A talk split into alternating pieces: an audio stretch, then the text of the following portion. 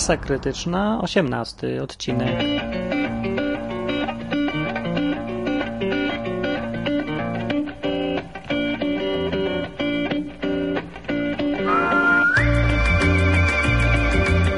Cześć, ja mówię Martin z Bristolu, dawniej z Krakowa.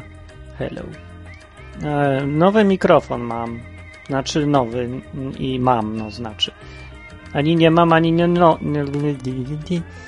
Kurde, nie mogę wymówić prostych słów. Ani nie mam, ani nie nowy, ale mikrofon jest podłączony. E, nie bzyczy. Co jest dzisiaj ze mną? Ja nie mogę. Jeszcze raz, jeszcze raz. Okay, po kolei. Wczoraj, czyli w poniedziałek, pojechałem do Oksfordu podzielę się tym z wami. Pojechałem do Oksfordu na przesłuchanie. A gdzie ja teraz robotę znajdę, jak tylko przesłuchiwać umie? Ale to mnie przesłuchiwali, a nie ja przesłuchiwałem. I na przykład zadawali mi pytania związane ściśle z programowaniem, na przykład yy, jaką ostatnio książkę czytałem, albo czy lubię grać w jakieś gry. Jest tylko jedna logiczna odpowiedź. No, ale z programowaniem też było taki teścik, pół godziny, miałem napisać no nie wiem, w sumie łatwe były, tylko ja byłem kurde zestresowany. Jednak nie uda się uniknąć tego stresiora i proste błędy popełniałem. A pytania były no przecież przebanalne. Było na przykład jedno zadanie było funkcję napisać, która wypisuje wszystkie liczby pierwsze od jednego do miliona. Na pochybel! No to, to cóż za problem. No więc buch, napisałem szybki algorytm Sitora Tostenesa. Bardzo prosty algorytm, piękny, czytelny w sumie. Tylko oczywiście, jak już wyszedłem z egzaminu, to się zorientowałem, że nie będzie działał, bo pomyliłem 0 z 1. Taka okazja i tak spieprzyć. Lipa, lipa. Drugi argor... Al... Kurde, ja dziś nie mogę mówić! Co się ze mną dzieje? Rozpadam się w rękach. Jednak spróbuję. E, to to tak bzdyczy. A drugi argo... Argor... Nie, nie mogę po prostu. No przecież potnę się za chwilę. Okej, okay, spokój. Raz, dwa, trzy, cztery, pięć, lat, dziesięć. Drugi algorytm był e, taki, że trzeba było napisać jaki algorytm, zadanie było takie. nie, nie, nie, nie będę o tym mówił. Po prostu... Nie wytrzymam tego wszystkiego.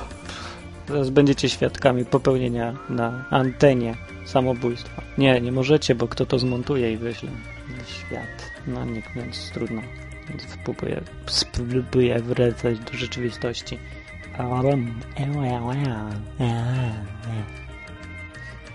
Zadanie było takie. E, napisać funkcję, która zwraca liczbę pseudolosową z zakresu od zera do tam podanego w parametrze. Wolno było użyć funkcji rand, która do tego służy, ale nie wolno było używać funkcji modulo ani dzielenia. No, to jest fajne zadanie. No. A ja lubię. Napisałem.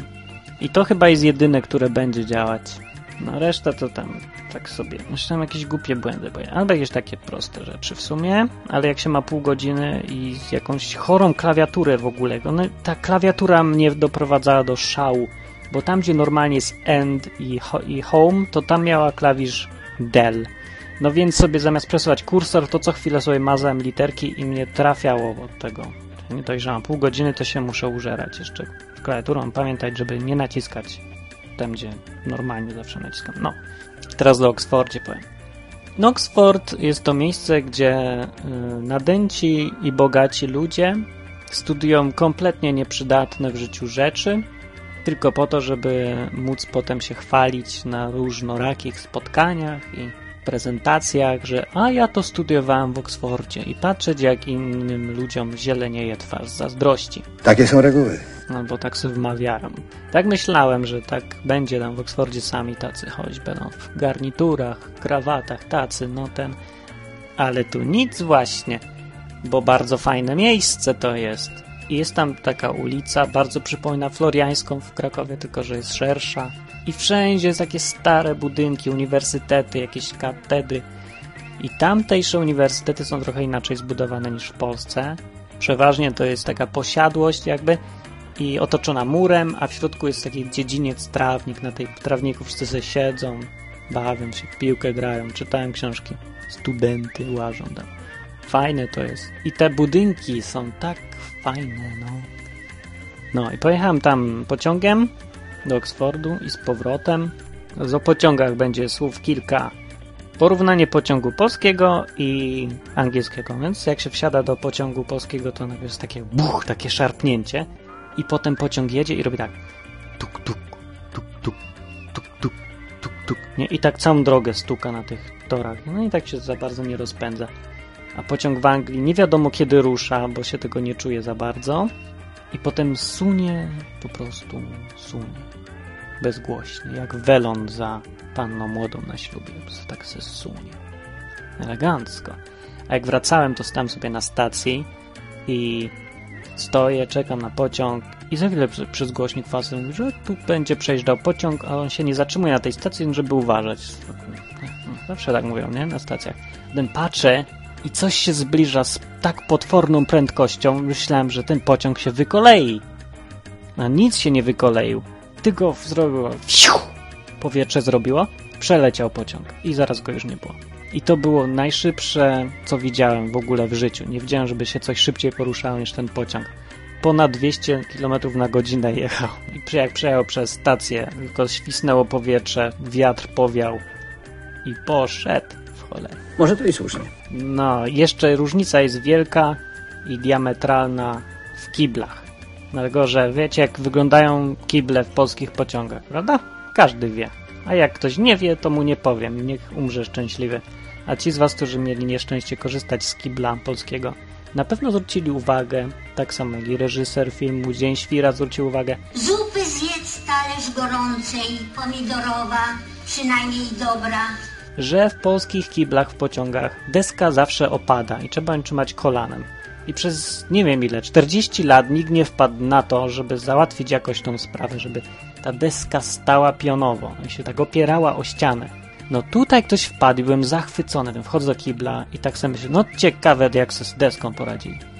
I wchodzę, otwieram deskę, puszczam i ona się trzyma. I coś okazało, że tam taki zaczep jest plastikowy. Wow! No takie proste, kurde, urządzenie.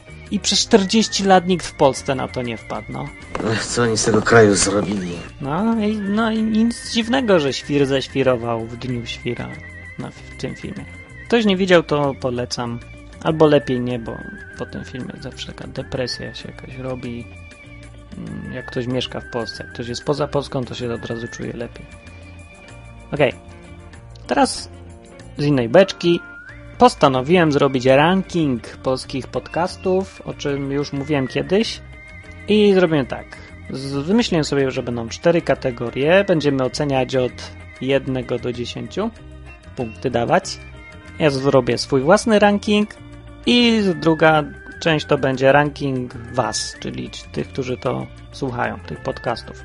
I każdy z polskich podcasterów będzie sobie mógł na swojej stronie walnąć taki formularzyk do głosowania na jego podcast albo na inne podcasty, jak tam uważa.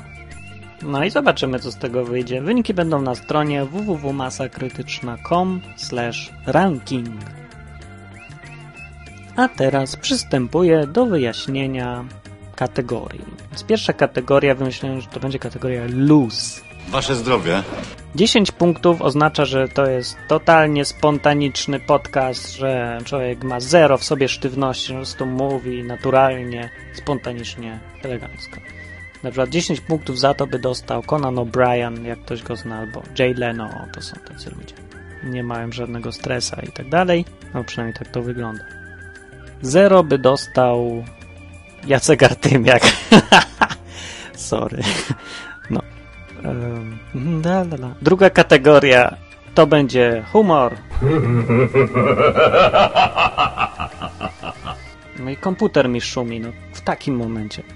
Humor, poczucie humoru. Czyli jak 10 to znaczy, że jak się słucha, to się człowiek cały czas śmieje bez przerwy, a jak 0 to się nawet nie uśmiecha przez cały czas. Trzecia kategoria to jest profesjonalizm, czyli to jest jakość dźwięku i montowanie tego wszystkiego, poziom techniczny, no takie rzeczy. I czwarta to jest a, jak ja to nazwałem, informacyjność. To znaczy, ile się można nowych rzeczy z tego podcastu dowiedzieć. No i dobra, proste kategorie. Tak? No. To będę dawał oceny. Coś mi śwista w nosie.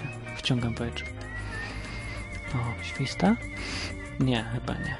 Niektórzy ludzie, jak oddychają, to takim śwista, nie? Też się bałem, że mi tak świstać będzie. A nie śwista. To jest jedna z tych upierdliwych rzeczy w życiu, typu chrapanie albo coś takiego. Nie, jednak nie będę oceniał polskich podcastów, kiedy indziej to zrobię, bo muszę już iść malować listewki przy podłodze na dole. Tak. No i więc kończymy to. Pozdrawiam Igę, pozdrawiam Owce i pozdrawiam Hugo. A reszta spać, żebyście mi w nocy nie marudzili. A to, że pozdrawiam Hugo, to wcale nie znaczy, że jestem pedałem. Chyba. To była Masa Krytyczna, odcinek 18, strona internetowa www.masakrytyczna.com www.masakrytyczna.com A... Szumi mi ten komputer, tragedia. Adres do mnie mailowy martinmałpa masakrytyczna.com Martin Pies, masakrytyczna.com Masa Rollmops masakrytyczna.com Małpa po polsku, pies po rusku, Rollmops po czesku. No to koniec. Żegnam się z wami niezapomnianą pieśnią z filmu Psy, którą śpiewa ośmiu wysokich, przystojnych ubeków. Prosimy. Na świat